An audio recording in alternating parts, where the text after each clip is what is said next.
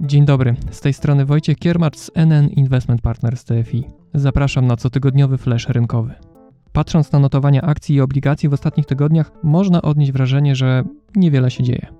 Rentowności obligacji skarbowych w Stanach Zjednoczonych czy w Polsce zachowują się dość płasko, są w trendzie bocznym, Podobnie akcje. Brak jakichś gwałtownych ruchów na rynkach może oznaczać, że inwestorzy już wcześniej wzięli pod uwagę dynamiczne odbicie gospodarcze i bardzo wysokie poziomy wskaźników wyprzedzających koniunkturę, takich jak PMI czy wysoka inflacja, już nie robią na nich takiego wrażenia. Wydaje się, że rynki są w fazie oczekiwania i uwaga zwrócona jest w szczególności w kierunku banków centralnych i ich reakcji na rozpędzającą się gospodarkę i podwyższoną inflację właśnie. W ubiegłym tygodniu przypomniał sobie Fed. Stóp procentowych co prawda nie podniósł, to byłby prawdziwy szok, ale zmieniła się narracja na bardziej jastrzębią. Fed przyspieszy zaostrzanie polityki monetarnej. Szef banku centralnego Jerome Powell podczas konferencji przyznał, że członkowie Komitetu Otwartego Rynku zaczynają myśleć o rozpoczęciu dyskusji o ograniczaniu skupu aktywów.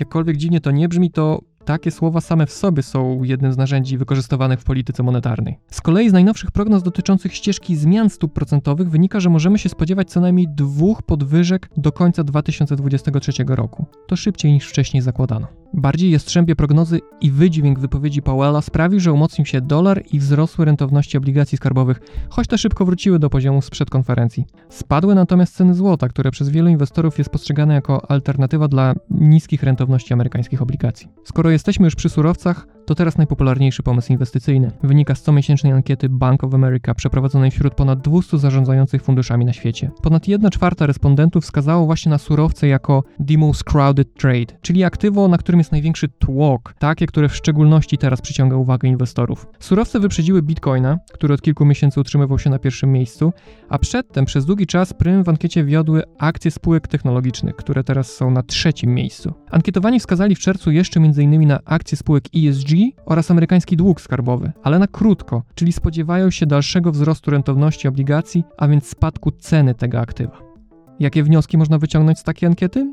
Na tego typu zestawienia należy przede wszystkim patrzeć z zimną głową. Odpowiedzią inwestora nie powinno być podążanie za tłumem, a zróżnicowany globalny portfel inwestycyjny, w którym część mogłyby stanowić wspomniane aktywa, np. za pośrednictwem zdywersyfikowanych funduszy inwestycyjnych. Oczywiście takie ankiety mogą być wskazówką, że zainteresowanie jest na tyle wysokie, że należałoby z dystansem patrzeć na tego typu inwestycje, że istotna część wzrostu mogła po prostu już się odbyć. Ale z drugiej strony najpopularniejsze pomysły inwestycyjne są takie z jakiegoś powodu.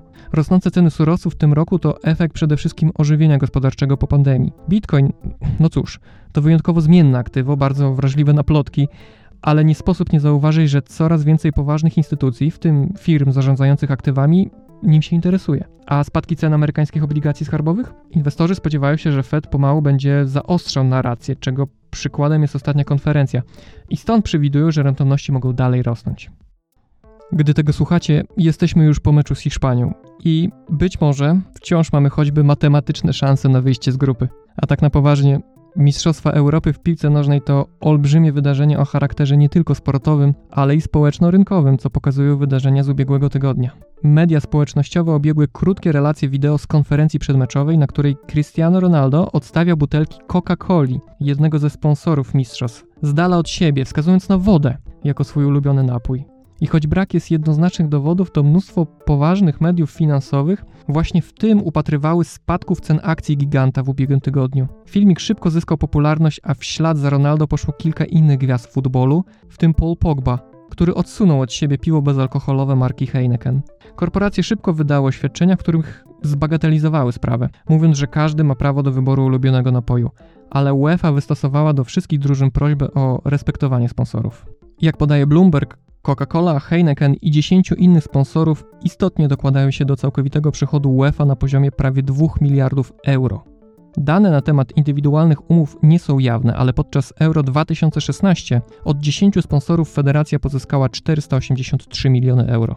24 drużyny startujące w mistrzostwach otrzymają do podziału w sumie 371 milionów euro. Za wygrany mecz w grupie UEFA wypłaca 1,5 miliona euro. Mistrzowie mogą zarobić maksymalnie 34 miliony euro pod warunkiem, że wygrają wszystkie trzy mecze grupowe. UEFA podzieli się również z klubami piłkarskimi kwotą co najmniej 200 milionów euro za to, że te pozwoliły swoim piłkarzom na grę w turnieju. Kolejne 775 milionów euro dostaną federacje piłkarskie na projekty rozwojowe w kolejnych latach. To wszystko w dzisiejszym flaszu rynkowym. Do usłyszenia za tydzień.